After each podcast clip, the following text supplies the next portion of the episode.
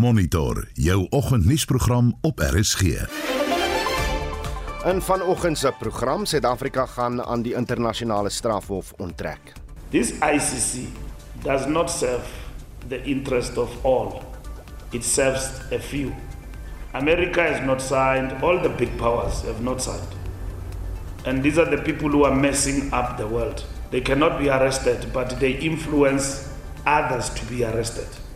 Nog 'n verkrygingsskandaal by die Gautengse Departement van Gesondheid en president Biden gaan vir 'n tweede termyn staan. Dis jammer vir 'n 80-jarige om 'n jaar later op 81 in 'n presidensiële wedloop te wees. Dit is nogal moeilik dink ek. Welkom by Monitor onder leiding van Wessel Pretorius. Die klankregisseur is JD Labeskagni en ek is Udo Karlse. Die FIA kondig veranderinge aan die kortafstandwedrenne vir die 2023 Formule 1 seisoen aan. Die top 2 in die Engelse Premier League gaan takel mekaar vanaand in 'n belangrike wedstryd en Chennai, Faf du Plessis en Rashid Khan is die voorlopers in die IPL reeks na 7 rondes. Ek is Shaun Schuster vir RSG Sport. Internasionaal en in Suid-Afrika is Sudan steeds een van die gewildste gonsfore wat gedeel word. Terwyl twee eh, terwyl 'n 72 uur skietstilstand steeds daar heers, is organisasies hard aan die werk om mense uit die land te ontruim. Nou Suid-Afrikaners wat in Khartoum vasgekeer was, is suksesvol ontruim en Suid-Afrika se gift of the givers help ook om ander lande uit Sudan te ontruim. Meer as 420 mense is reeds weens die konflik dood en duisende meer is beseer. Nou ons het vanoggend twee luisteraars vra. Eerstens, wat dink jy van Suid-Afrika se besluit om aan die internasionale strafhof te onttrek? En dan, die organisasie teen belastingmisbruik, Alta, wend hulle vandag na die hof oor die heffing van tolgeld op ons nasionale paaie. Hulle wil weet of die drie tolkonssessiehouers meer wins maak uit tolgeld as waarop hulle eintlik geregtig is. Ons het baie mooi gevra in terme van 'n baie aansoek of Bakwena en 3TC en Trek nie sekere inligting met ons wil deel sodat ons kan sien of die profit wat hulle uit hierdie konsessionaires maak redelik is. Ons het geen probleem daarmee dat hulle hierdie doen om 'n profit te maak. Ek meen dit is besigheid. Maar ek dink ons wetgewing is duidelik dat hierdie profit wat hulle maak redelik moet wees. Nou neem maar nog ons ons nasionale paaie is egter mooi en word in stand gehou. Betaal jy dan eerder die tolgeld wat uh, met tot 22% oor die afgelope 4 jaar gestyg het, as dit beteken dat jou reis glad en moeiteloos verloop, of eis jy ook dat die konsessiehouers minder wins moet maak sodat jy minder hoef te betaal. Stuur 'n SMS na 4588919 R50 per boodskap en jy kan ek lekker saamgesels op die Monitor en Spectrum Facebook bladsy of stuur vir ons 'n stemnota na die nommer 0765366961. Dis 11 minute oor 6. Die Gautengse Departement van Gesondheid is weer in die middel van 'n verkrygingsskandaal. Die Sentrum vir Ondersoekende Journalistiek, Amabongane, berig dat Gautengse gesondheidsbasis beskuldig word van tender en omkoop bedrog. 'n Vletjieblaser het in 'n beëdigde verklaring korrupsie beweringe aan die valke voorgelê. Amabongane sê hy het 'n kopie van die beëdigde verklaring bekom wat e-pos kommunikasie, kontrakte en bankstate as bewyse insluit praat nou met Jack Bloem, die DEA se skare minister van gesondheid in Gauteng oor die kwessie. Jack, goeiemôre. Hey, goeiemôre. Wat weet ons wat behels die beweringe van korrupsie en wie word hier betrek? Well, there seems to be at least two contracts involved. The one is for 31 million rand. It was supposed to provide plastic containers to the Masakani cook feed cook freeze factory, which provides meals to, to public hospitals. And there was a second contract involving orthopedic equipment.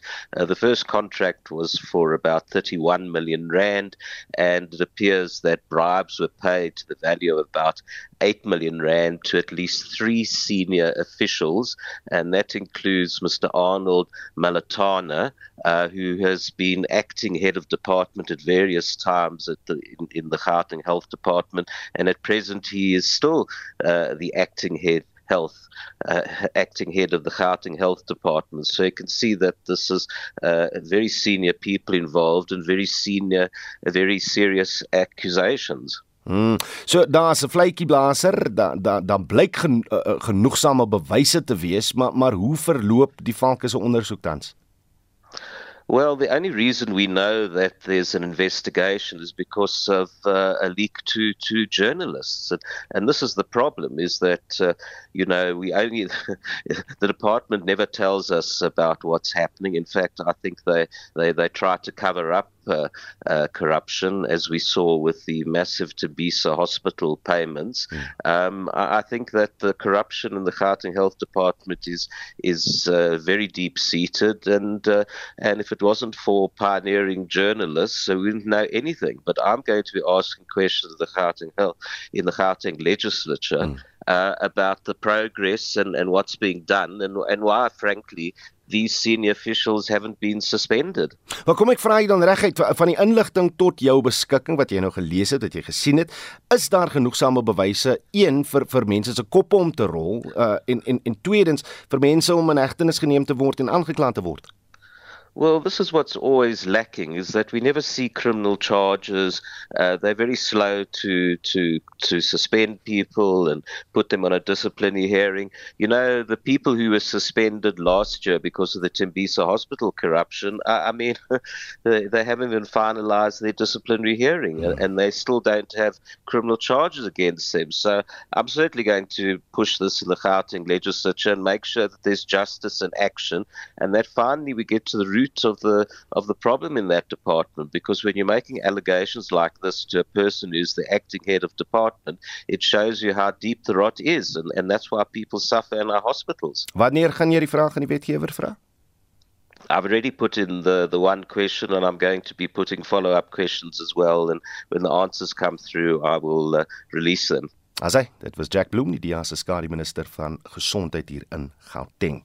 Die Pietermaritzburgse Hooggeregshof het getuienis aangehoor dat Sindiso Magaka, 'n voormalige sekretaris-generaal van die ANC Jeugliga, kop gestamp het met Umzimkhulu se munisipale bestuurder voor 'n aanval in 2017 waarin Magaka noodlottig gewond is. Die huidige burgemeester, Jabulile Msia, het getuig dat sy, Magaka en nog 'n raadslid daarop aangedring het dat 'n verslag oor finansiële ongeruimthede bekend gemaak word. Sy het getuig dit was ook alom bekend dat Magaka hom daardie jaar verkiesbaar sou stel vir 'n posisie in die ANC se uitvoerende komitee in die streek. Dries Liebenberg berig.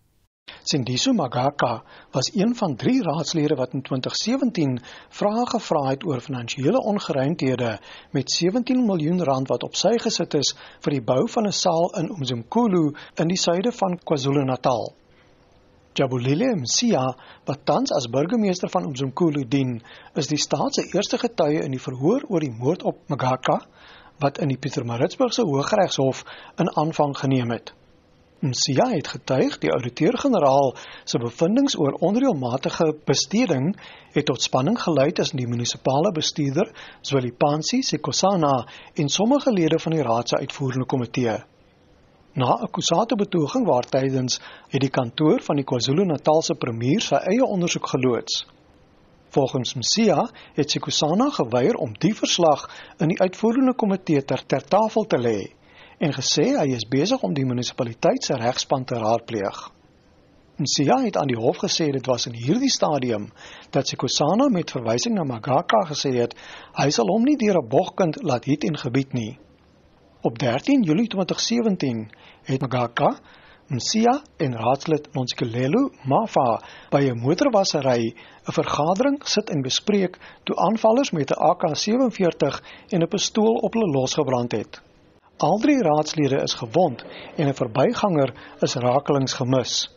Magaka het 2 maande later in 'n hospitaal aan sy wonde beswyk.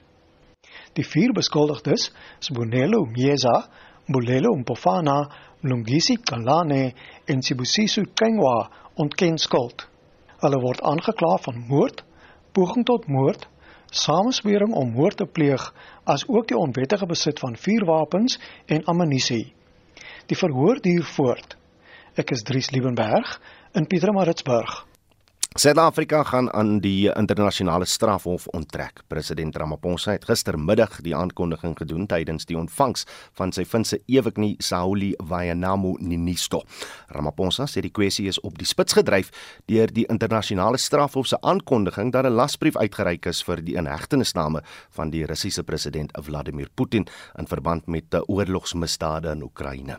Putin sal na verwagting in Augustus die BRICS-beraad hier in Suid-Afrika kom bywoon.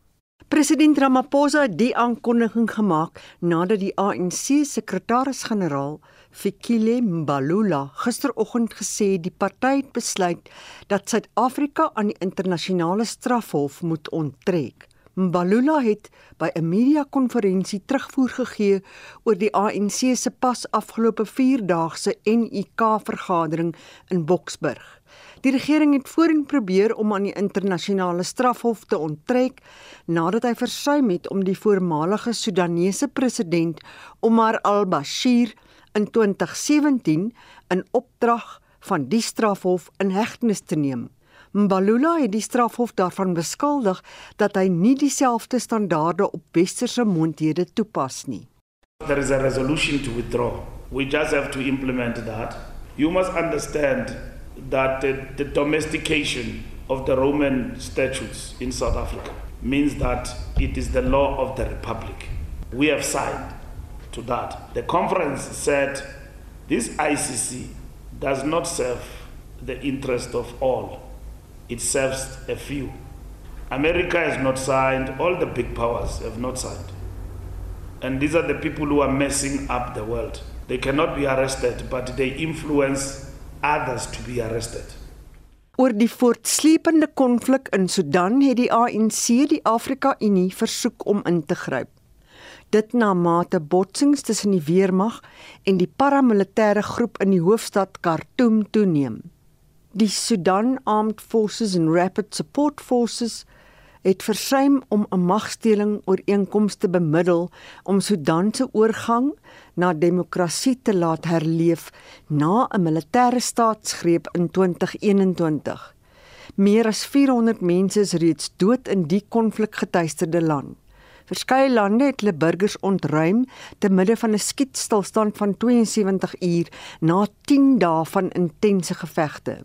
Mbalula het gevra vir 'n permanente wapenstilstand in die land. We noted with grave concern the eruption of conflict in the Sudan and call for an immediate ceasefire between the Sudan Armed Forces SAF and the Rapid Support Forces RSF in the Sudan. Urgent steps must be taken by the African Union to encourage the Sudan peace process and encourage the establishment of a transitional government that must work seriously to establish institutions of democratic civilian rule. Die ANC sekretaris-generaal het ook Uganda se streng wetgewing om homoseksualiteit te kriminaliseer betreur. Die voorgestelde wetgewing is verlede maand goedgekeur, maar het wêreldwye veroordeling ontlok. Mbalula sê die wetsontwerp is in stryd met die Afrika Handves van Menseregte. The African Charter on Human and People's Rights, confirmed by Resolution 275 of the African Commission on People's and Human Rights, discourages discrimination and persecution of persons or groups of persons on any basis and call on states to proactively ensure that all their citizens enjoy their full human rights. Mbalula sê die party sal lede wat by die staatskapingsverslag geïmpliseer word en wat nie voor die party se integriteitskommissie verskyn het nie, aan die organisasie se dissiplinêre komitee oorhandig. Zoleka Kadashi het hierdie verslag saamgestel. Mitsi van der Merwe, SAK-nuus. Ons praat dan verder oor die ANC en die KAM met 'n politieke wetenskaplike aan die NISA professor Dirk Kotse. Dirk, goeiemôre. Goeiemôre Oude. Ons regering probeer al die afgelope 6 of 7 jaar wegstap van die internasionale strafhof en boonop al begin daar nou weer opnuut 'n proses, sal die lasbrief nog steeds van krag wees want dis nie so maklik om net 'n e-pos te stuur en te sê cheers baie ons is klaar met julle nie. Ja, dit is so. Ehm um, in die eerste instansie met 'n lidland uh, kennis gee vir 'n uh, van 'n tydperk van 'n jaar voordat hulle kan onttrek. Um in die geval van Suid-Afrika omdat ons die Rome statuut 'n wet van Suid-Afrika gemaak het. Dit het deur 'n proses gegaan dat daar die implementeringswet van die Rome statuut um, nou 'n Suid-Afrikaanse wet is. Beteken dat dit deur die uh daardie wet deur die deur die parlement weer uh, onttrek moet word. Ehm um, en dit moet deur die hele besprekingsproses gaan. Dit is uh in die as in die geval van die Albasier situasie hmm. wat die hof uitspraak dat dit moet behoorlik gedebatteer word um, en dan deur die prosedure gaan om so 'n wetgewing terug te trek. Ehm um, so dit gaan sommige mense sê 'n minimum van 2 jaar neem in to in totaliteit. So dit natuurlik lank na die uh, BRICS konferensie of wat gaan plaasvind. So dit gaan nie regtig moontlik wees prakties moontlik hmm. wees om dit te onttrek voordat president uh, Putin hier sou aankom. Ehm um, so dit is 'n En nou ons moet ook in ag neem dat die regering dit reeds in 2017 daar op die ANC in 2017 besluit het om dit so te doen. Um en onlangs het hulle die wetgewing of die terugtrekking van die wetgewing in die parlement wat nou sedert 2017 hangende was, het hulle besluit om dit terug te trek. So daardie hele proses sal van vooraf moet plaasvind. Watter gevolge was daar destyds toe Suid-Afrika 'n soortgelyke lasbrief geïgnoreer het uh, toe die Sudanese leier Omar al-Bashir in Suid-Afrika aangedoen het en en watter gevolge mag daar miskien wees indien Suid-Afrika nie gehoor gee aan die lasbrief vir Vladimir Putin se arrestasie nie. Daar was 'n openbare kritiek daarteen gewees, maar dit was 'n openbare debat. Hmm. Uh, wat ras Suid-Afrika gegaan het. Dit was ook Suid-Afrika woon gereeld die vergaderings by in Den Haag van die lede van die van die hof. Ehm um, en daar was daar kritiek teen Suid-Afrika geweest dat hulle nie gehou het by die bepalinge van die Rome statuut nie. Um, en die die verbindings wat dat wat homself my uh, geassosieer het nie. Um, maar daar het eintlik geen direkte gevolge gewees nie. Indirek kan mense sê ja, Suid-Afrika se geloofwaardigheid is benadeel deur dit deurdat hy homself nie wou verbinde aan nie. Maar die die on, ons moet almal onthou die hof is in die lede van die hof is daar as lede op 'n vrywillige basis. Hmm. Ehm um, baie land drie van die vyf permanente lede van die veiligheidsraad byvoorbeeld is nie lede nie. Amerika is nie lid nie, Rusland is nie lid nie, China is nie lid nie, maar wel Frankryk en Brittanje. So dit hang af van hoe staat hulle self posisioneer. Dit is dis nie 'n internasionale hof soos die internasionale uh, hof en die ander internasionale hof in Den Haag waar elke lid van die Verenigde Nasies is outomaties lid van die hof ook nie. Wat, wat interessant is en jy, jy praat nou van hoe staan hulle self posisioneer. As Suid-Afrika nou hierdie hierdie besluit van die ANC deurvoer en hulle is nou nie meer 'n lid van die uh, internasionale strafhof nie, binne die BRICS beweging sal dit dan as ek reg is net Brasilië wees wat nog 'n ondertekenaar is van die Rome Statuut. Ja, dit dit dit sal die geval wees. Ehm um, en ek dink dit dit wys daarop dat daar dis eintlik die kleiner lande, die groot moondhede oor die algemeen, ehm um, is nie is nie lede van die regshof nie. Lede lande soos byvoorbeeld Israel is ook nie 'n lid van die hof nie. Ehm um, Indië dink ek op die oomblik is ook nie 'n lid van die hof nie. Ehm um, so dit dit gaan oor dis 'n besluit van elke land of hulle daarbey betrokke wil wees of nie.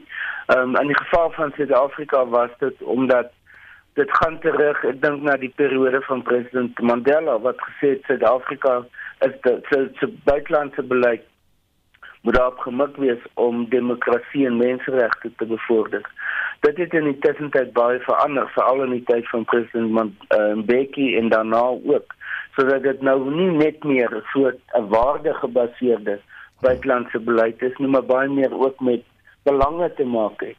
Ehm um, en dis hoekom Suid-Afrika dit nou moontlik het om 'n baie goeie verhouding met byvoorbeeld China te hê, hmm. terwyl hulle baie bekend is daarvoor dat hulle menseregte in hulle eie land nie uh, respekteer nie. Ek wonder of uh, ons president 'n uh, uh, gesprek gehad het met sy Finse eweknie wat uh, hier op 'n staatsbesoek was. Uh, uh, uh, maar net meer breedvoerig was daar enigiets sinvol wat uitgekom het tussen die ontmoeting uh, gister tussen ons president en die, en uh, die Finse president Sauli Väinämöinen?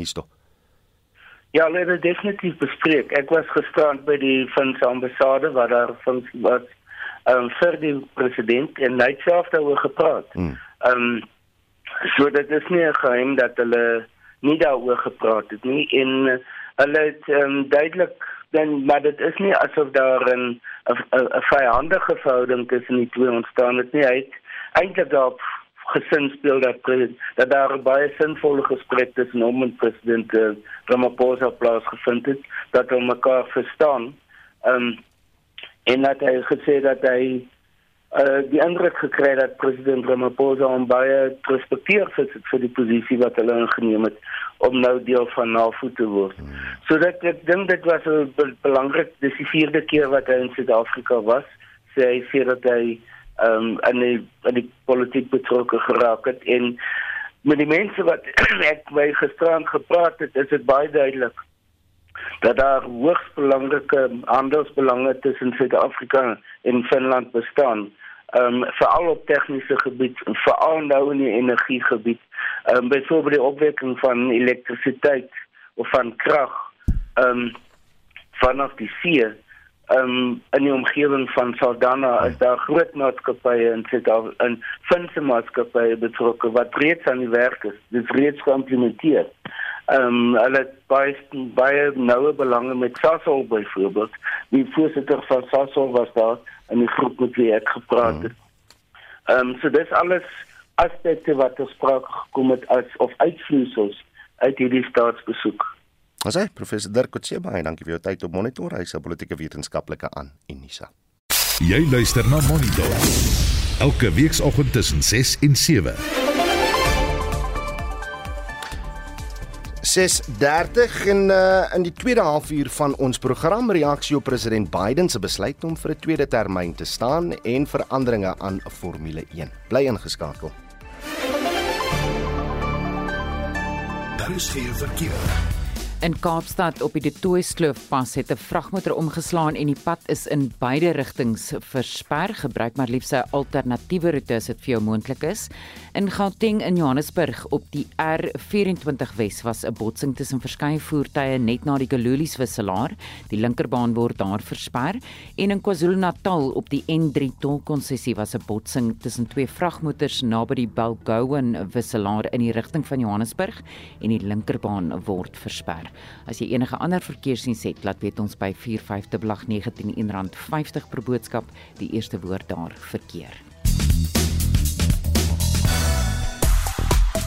Nou, ons het vanoggend twee luisteraars vra. Eerstens, wat dink jy van Suid-Afrika se besluit om aan die internasionale strafhof te onttrek? Dit is eintlik baie interessant as jy kyk na hoe die ANC vanoggend uh homself kommunikeer, sowel as die presidentsie, blyk daar nou weer ja, tweespraak te wees. Want want dit blyk nou of die presidentsie sê vir Kilian Balula, sekretaris-generaal van die ANC, het die verkeerde interpretasie gekommunikeer aan die nasie oor die besluit wat die ANC vir sy eie edika geneem het.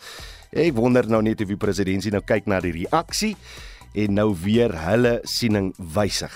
Maar ons sal vir jou duidelikheid kry hieroor, daarvan is ek gewis, maar sou die besluit staan dat Suid-Afrika wil wegstap wil onttrek uit die internasionale straf of wat is jou mening daaroor? En dan praat ons ook oor die tolkonssessies want Outa wend hulle self na aan die hof oor die heffing van tolgeld op ons nasionale paaie. Hulle, hulle wil hê uh, of weet of die drie tolkonssessiehouers meer wins maak uit tolgeld as waarop hulle eintlik geregtig is. Nou laat ek kyk op Facebook wat die luisteraars vanoggend daaroor te sê het want uh, altyd interessant om julle menings te kry. Vleer Hartman sê betaal beslis met graagte die tolgeld op die N4 wat in pyptoestand gehou word en veilige reis beteken. Een van die eerste tussen Middelburg en Witbank wat die rit van Witrifuur tot Pretoria betekenisvol verkort het in die 70s. Desrey Sauer sê dit is 'n vraag wat ek al jare gevra het, hoekom moet hulle so hoë uh, wins maak? Was uh en is dit regtig nodig? My motto is sê sy uh maak my wins kleiner en jy kry alles verkoop maar hier is die motto word met een slag skatryk ek wonder uh, of uh, ander ook voel dis die lese van ons regering. Lulu Potgieter sê nee wat dis uh, uh dit sê net een ding. Welkom Mr Putin sonder enige vervolging. Dis nou oor uh, hoe se die ANC die president homself gister gekommunikeer het oor hierdie besluit wat wat wat spruit uit die NK van die ANC dat hulle wil wegstap of uh, onttrek uit die internasionale strafhof. Maar stuur gerus julle SMS deur na 4588919 R50 per boodskap. Jy kan saampraat op Monitor en Spectrum se Facebookblad of stuur vir ons 'n stemnota op WhatsApp na die nommer 0765366961.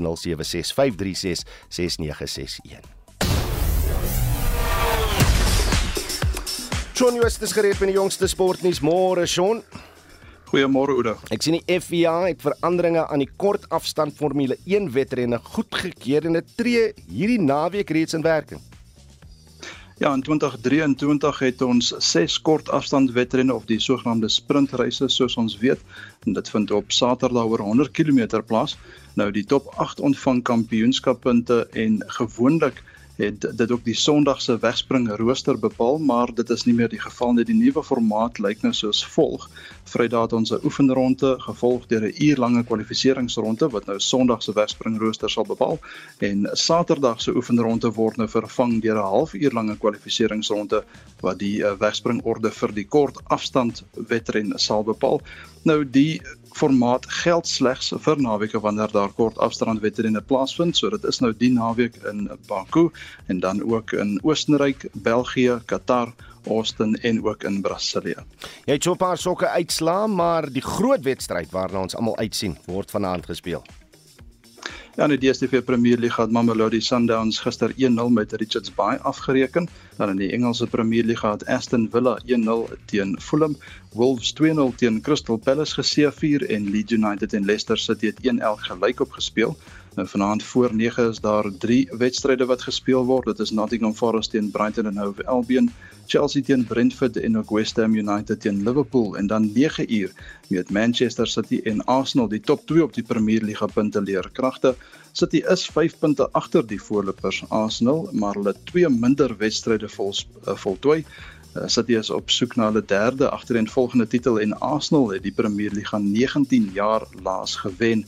Nou na vanaand se wedstryd het City nog 7 en Arsenal net 5 wedstryde oor. Reg, elke span in die IPL het nou 7 wedstryde voltooi. Wie is die top 4 en uh ja, wie vaar die beste onder die bowlers in die Covers? Ek weet Faf du Plessis moet daar heel bo wees. Ja, gister het die Gujarat Titans uh, van Mumbai Indians met 55 lopies afgeransel. Die Protea bowler David David Miller was absoluut uitstekend geweest. Hy het 46 van 22 balle vir Gujarat gemoker. So nou oor na die punte leer Chennai Super Kings en Gujarat is uh, eerste en tweede op 10 punte en Rajasthan Royals en Lucknow Super Giants derde en vierde op 8 punte elk. So jy sê Faf du Plessis, hy is eerste wanneer dit uh, onder die Colvers kom. Hy het 405 lopies aangeteken en in die tweede plek die Nieu-Seelander Devon Conway op 314 so baie groot uh, verskil daar tussen lopies. Dan onder die bowlers is Rashid Khan van Afghanistan. Eerste uit 14 paaltjies tot dusver plat getrek en onder die Suid-Afrikaners vaar Anrich Norke, Marco Jansen en Wayne Parnell die beste. Hulle het 6 paaltjies agter hulle naam. En uh, die Royal Challengers Bangalore en Kolkata Knight Riders pak mekaar vanmiddag 4uur. Shaun Jester daar van RSG Sport. Die samelewing beklemtoon die seksuele molestering en verkrachting van meisies en vroue terwyl talle seuns en mans ook deurloop. Die voorkoms van die verskynsel moet meer bespreek word, sê Martin Pelders, die stigter van die nuwensgewende organisasie Matrix Men, na die skuldigbevindings van die seksoortreder Gerard Ackermann. Mitsi van der Merwe het vir ons meer besonderhede. Die samelewing word om verskeie redes die inligting gevoer dat dogters en vroue alleen die slagoffers is van seksuele geweld. Dis die mening van die stigter van die nuwensgewende organisasie Matrix Men wat met slagoffers van seksuele geweld werk, Martin Pelders. The narrative that it's only girls and women that are victims of sexual abuse in, around the world, not just South Africa. But it's been a narrative for a very long time. The boys are the perpetrators, and men are the perpetrators, and girls are the victims, and that's how we've looked at it all the time. Pelders sê die parlement is in 2006 ingelig oor die saak. Showing that boys were in fact victims of sexual abuse at higher rates than girls were were ignored. So there doesn't seem to be a will to change the narrative. I think there's another issue in that yeah, sexual abuse and the victimhood of girls has become a huge industry. It's a massive industry and people don't want to lose their funding. So even when the research tells us that yes, more boys are in fact victims of sexual abuse in South Africa than girls, there's not the appetite to actually start taking care of the boy victims. Vas dat die samelewing die feite moet begin ken, verstaan en dan dit moet verander. Once we have an idea of what the facts are, we need to stop going with the normal narrative. But we need to be, society needs to be the one that drives the change. We need to be the ones that say, listen, this is not the truth, this is the truth. Can we focus? You see, to me, just doesn't make sense because although research has told us that more boys are victimized on a daily basis than girls, we're still not changing the story, but research has also told us is that boys who've been victimized as children are four times more likely to go on and perpetrate a rape. Om gemolesteer te word as kind en dan dieselfde te doen aan 'n ander, sê Pelders, is nie die enigste rede om ander mense te verkrag as volwassene nie. But it's one of them and if we keep focusing on fixing the victims and not fixing the perpetrators then we're never going to change anything. Die tipe misbruik verander. So the research we have from 2008 tells us that so 44% of all boys had been sexually abused by the age of 18. 27% of them were abused by both genders, male and female. 32% by men and 41% by females. What's happening now is that we have more peer rape, peer pressure. You have kids at school who are victims of sexual abuse who are now going to school and perpetrating or it's kind of doing the same to younger children because that's what they've been shown, that's what they've been taught. So you get a lot of 11 and 12 year olds that are perpetrating rape and sexual abuse on children 6, 7, 8 years old. So it's rapidly changing and we need to start looking at intervening because it's just uncontrollable at this point. Martin Pelders is die stigter van Matrix Men wat vanjaar veral gaan werk met mans wat seksuele geweld beleef het. Mitsi van der Merwe, SAK nuus. Annelien Moses het gereed met 'n fokus op wêreldnuus gebeure en nuus uit Afghanistan. Annelien is dat die Taliban die meesterbrein agter die bombardering van die Kabul lughawe in 2021 vermoor het. Ja, die nuus is deur Amerika bekend gemaak. 70 burgerlikes en 13 Amerikaanse troepe is dood in die ontploffing terwyl duisende mense uit Afghanistan gevlug het. Daar word geglo dat hy die leier was van 'n groepering van die Islamitiese staat. Die BBC het 'n senior direkteur van die Sentrum vir Strategiese en Internasionale Studies in Amerika, Seth Jones, vir sy indrukke gevra. We don't know exactly the specifics around how this individual within the Islamic State Khorasan was killed.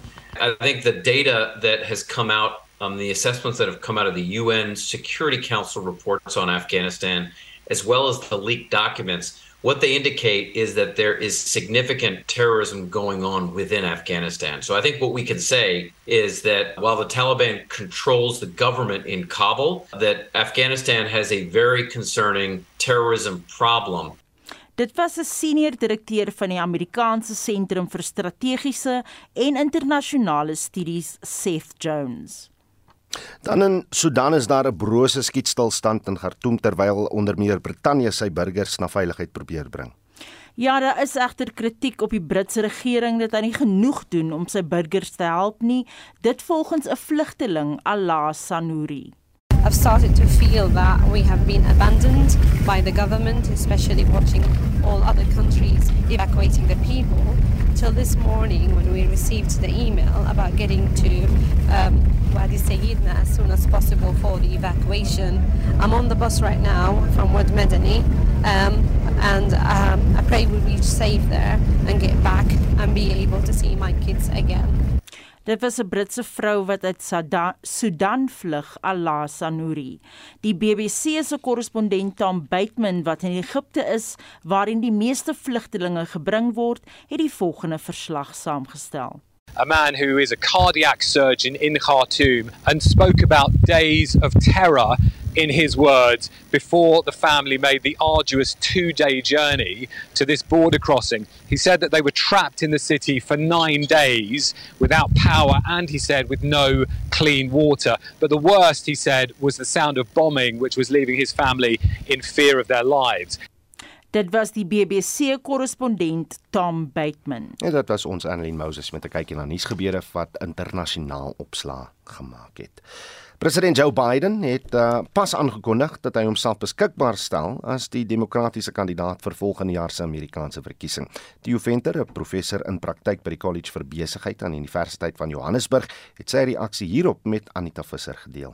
Dit is jammer want ek het so 'n paar maande gelede toe hy daaroor uitgevra is en hy gesê het hy gaan dit eers met sy vrou en sy kinders bespreek, gedink dat hulle hom sou oortuig dat 'n 80-jarige, hy word in November maand 80, vir 'n 80-jarige om 'n jaar later op 81 in 'n presidensiële wedloop te wees, dit is nogal moeilik dink ek. As jy nou sy raadgewer kon wees vir hierdie veldtog, waarop moet hy sy veldtog skoei? Wel, hy gaan sy veldtog moet skoei beslis op die groot krisis in die Amerikaanse samelewing, hierdie massamoorde en die besit van wapens. Dis 'n baie omstrede veld tog en dan natuurlik lewenskoste. Lewenskoste in Amerika met 'n inflasiekoers wat nog steeds aan die hoë kant is, bly 'n baie groot probleem en dit sal vir die Republikeine en die Demokrate natuurlik altyd baie belangrik wees om die Amerikaners te probeer oortuig dat hulle ekonomiese model die beter een is. Theo jy het nou gesê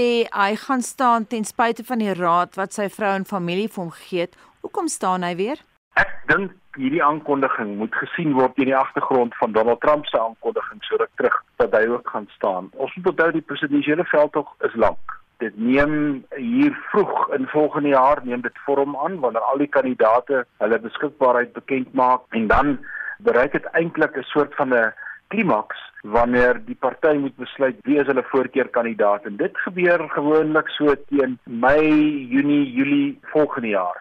Van nou af tot dan kan daar nog baie gebeur en ek het 'n idee hierdie aankondiging is waarskynlik om so klein bietjie voordeel te trek uit die Donald Trump aankondiging, maar ek weet nie of hy uiteindelik gekies gaan word nie. Ek wou nou juist vir jou vra, het hy die steun van lede binne sy party? Nou dis nou waar die groot vraagstuk is. As 'n mens nou die, in Amerika was dan was Biden se aankondiging waarskynlik oortref deur uh, Tucker Carlson wat gefire is en ook mm. Don Lemon wat gefire mm. is. Maar die twee wil ek in die prentjie bring want dit vertel vir jou van die gepolariseerdheid van die Amerikaanse gemeenskap en in daardie gepolariseerdheid is daar baie duidelike stemme wat sê ons het jonger mense nodig. Ons het mense nodig van 40 en 50, nie van 75, 76 of 80 nie. Theo as mens kyk sy slagspreuk vir 2024 is a choice between more rights and fewer.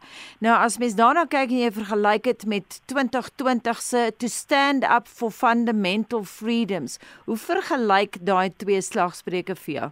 Wel, dis in dieselfde omgewing want die regte waaroor veral die demokrate begaan is gaan oor die regte wat minderhede het, die regte van mense wat in ander kategorieë van die samelewing geplaas word en dat daar vir hulle ook voorsiening gemaak moet word, veral gay, lesbian en so meer. En dis juis die fokus op die regte wat die polarisasie tussen kom ons noem dit konservatiewe Amerika en liberale Amerika nog verder verdiep en wat dikwels aanleiding gee tot die soort konflik wat mense van tyd tot tyd kry, gewapende geweld van mense aan die ver regse, selfs aan die ver linkse kant wat dit dink soos 'n kliniek aanval om simbolies op te tree teen wat beskou word as 'n totale politieke korrektheid en hierdie hele woke gemeenskap, die woke debat wat in Suid-Afrika natuurlik vreemd is, maar in Amerika is dit baie aktief. As hy môre sou doodgaan, wat sou Biden se nalatenskap wees na sy eerste termyn? Dat hy daarin geslaag het dink ek op buitelandse beleid om NAVO en Amerika weer in dieselfde rigting te plaas. Dit dink ek is 'n baie baie groot bydrae wat hy gelewer het dat hy die Amerikaanse rol in Europa weer kom ons sê genormaliseer het. Dat hy probeer het om die posisie wat Amerika beklee het in die wêreld wat deur Donald Trump heeltemal eintlik op sy gestoot is met 'n Amerika eerste benadering om dit weer reg te stel ek dink nie hy gaan onthou word vir sy ekonomiese bydrae nie en ek dink nie hy gaan onthou word vir enige van die interne sake wat hy probeer doen het nie en dan sal hy natuurlik onthou word vir die pogings wat hy aangewend het om vir gewone Amerikaners die lewe meer toeganklik te maak, het sy dit op mediese gronde of op onderwysgronde is. Hy verwys nou na sy ekonomiese swakhede. Wat was nog 'n groot fout? Wel dit hang af waar jy staan in Amerika ten opsigte van hierdie swakhede, maar ek dink die swakheid is hoe om die hele kwessie van geweld in Amerika op 'n manier aan te spreek wat nie verder verdelend is nie. Want op die oomblik is dit dink ek 'n krisis wat amper weekliks in die Amerikaanse media na vore tree en die een groep voel Biden wil drakonies wette op hulle afdwing en die ander groep voel hy doen te min. En ek dink dis die een ding wat hom slaaplose nagte moet gee. Die Venter uh, se professor in praktyk by die College vir Besigheid aan die Universiteit van Johannesburg en hy het daar met ons Anita Visser gepraat. Eskom se hoë koppe sê die multimiljard rand skuldverligtingsplan sal hom vir die eerste keer in 6 jaar in staat stel om op opwekkingskapasiteit te fokus. Die kragvoorsiener het voor die parlement se begrotingskomitee oor die Eskom wetsontwerp op skuldverligting verskyn. Die reddingsboei van 254 miljard rand strek oor die volgende 3 jaar. Die minister van Finansies Enoch Godongwana het dit tydens sy begrotingsrede in Februarie aangekondig. Onder die voorwaardes van die skuldverligting is dat Eskom vir die volgende 5 jaar geen nuwe skuld mag aangaan nie. Celine Merrington berig. Die sukkelende entiteit sê die skuldverligting is 'n welkome reddingsboei. Die waarnemende uitvoerende hoof, Kalib Kasim, sê dit gee hulle kans om te fokus op opwekkingskapasiteit eerder as om finansiële markte na te jaag. So this is the first time in the last 6 years honorable chairperson that we were able now to release 3 years capex across the division for generation transmission and distribution. That's a tremendous relief from a financial perspective and an operational perspective. It also allows the management team to focus on dealing with the pressing issue of generation and generations performance, reducing that unplanned outages to reduce the intensity and the frequency of load shedding. Die waarnemende finansiële hoof Martin Buys meen dit gee hulle ook die geleentheid om beleggings te maak. This will allow to free up cash at Eskom to allow Eskom to undertake immediate and much needed investment programs required to reduce the load shedding. So in other words what we can do is we will now have the cash from operations which we can control and we can now actually utilize this money for investment into our capital program. And then also the conditionality around the debt relief should actually now provide comfort that this will allow ESCOM that the balance sheet at the end of the day will actually strengthen. And they will also prevent ESCOM from raising further debt during this period. And therefore the ESCOM balance sheet will strengthen. Stabiliteit in terme van die vermindering van beerdkrag is deel van die raad se omkeerstrategie, sê die raadsvoorsitter Mpho Makwana. committed as the board to drive an improvement in the energy availability factor, which means ameliorating load shedding by ensuring that as of March 2023, the end of the 22-23 financial year, we would have sought to drive EAF to 60% and then 65% EAF at the end of March 2024 and then aspire towards an EAF of 70% towards the end of March 25.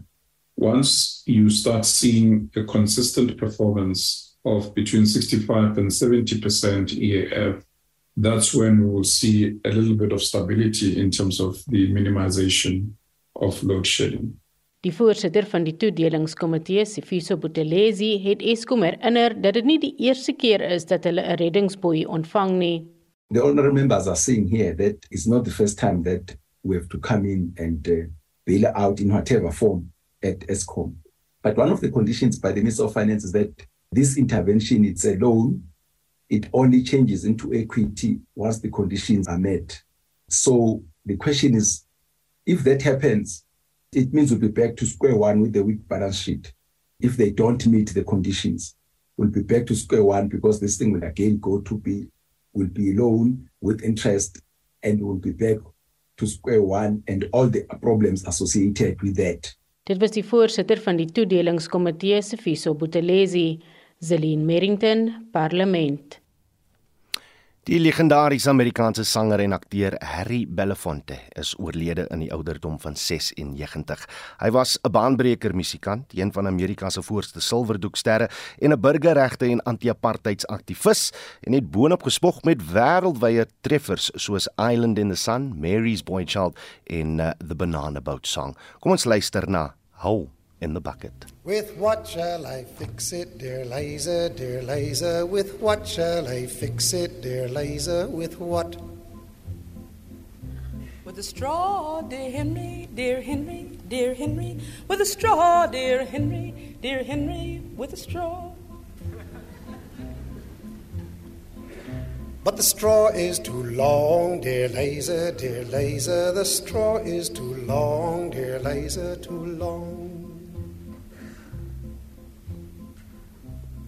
Cut it, dear Henry, dear Henry, dear Henry. Well, cut it, dear Henry, dear Henry, cut it. With what shall I cut it, dear laser, dear laser? With what shall I cut it, dear laser? With what? With an axe, dear Henry, dear Henry, dear Henry. With an axe, dear Henry, dear Henry, with an axe. The axe is too dull, dear laser, dear laser. The axe is too dull, dear laser, too dull. Sharpen it, dear Henry, dear Henry, dear Henry. Well, sharpen it, dear Henry, dear Henry. Hone it.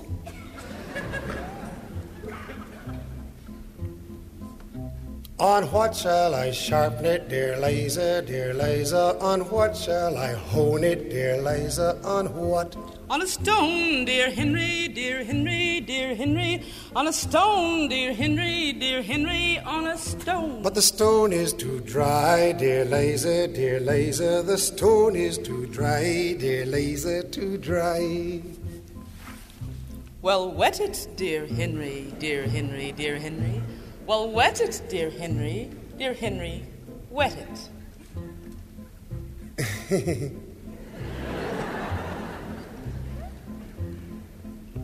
With what shall I wet it, dear laser, dear laser? With what shall I wet it, dear laser? With what? Try water, dear Henry, dear Henry, dear Henry. Try water, dear Henry, dear Henry. Use water.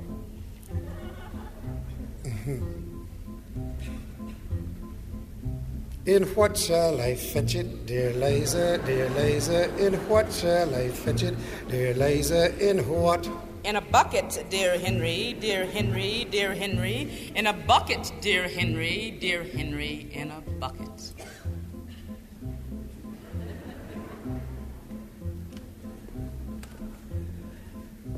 There's a hole in the bucket, dear Liza, dear Liza. There's a hole in the bucket, dear Liza, a hole.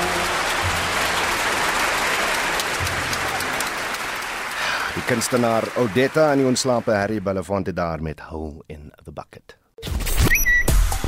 Finland is ook 'n hits wat op sosiale media gedeel word. Nou Finland se president Sauli Niinisto se amptelike staatsbesoek aan Suid-Afrika loop vandag ten einde.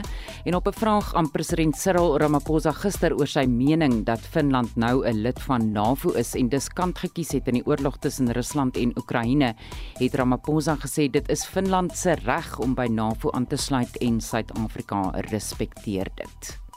Reg ons praat vanoggend uh, oor twee dinge. Eerstens, wat dink jy van Suid-Afrika se besluit om aan die internasionale strafhof te onttrek? En ek wil net sê hou vas. Want hier gaan 'n storie nou vandag weer ontwikkel wat die ANC en die presidentskap sê nou vanoggend, vandag, hulle voer nou aan nee. Uh, uh, hulle wil net regstel die besluit wat by die NK geneem is is nie om te onttrek nie. Hulle wil eintlik net 'n gesprek voer oor die bedrywighede van die internasionale internasionale strafhof en en en hoe dit gebruik word op politieke vlak. Maar hoe dit ook al sê, ons wil graag hoor wat jy daaroor te sê het en dan ook oor uh die tolkonsessies in Suid-Afrika. Alton neem hulle hof toe om uh, uit te vind of uh, die geld wat hulle maak, is hulle eintlik geregtig op die wins wat daar gemaak is. Maar stuur gerus julle kommentaar hieroor na 45889. Dis nou per SMS. Dit sal jou R1.50 kos per boodskap. Jy kan saampraat op Monitor en Spectrum se Facebookblad of stuur vir ons 'n WhatsApp stemnota na 0765366961. 61. Ons groet dan namens ons uitvoerende regisseur Nicoline de Wee, ons redakteur vanoggend is Wessel Pretorius. Ons produksieregisseur is JD Labuskaghni en ek is Udo Karelse. Totsiens.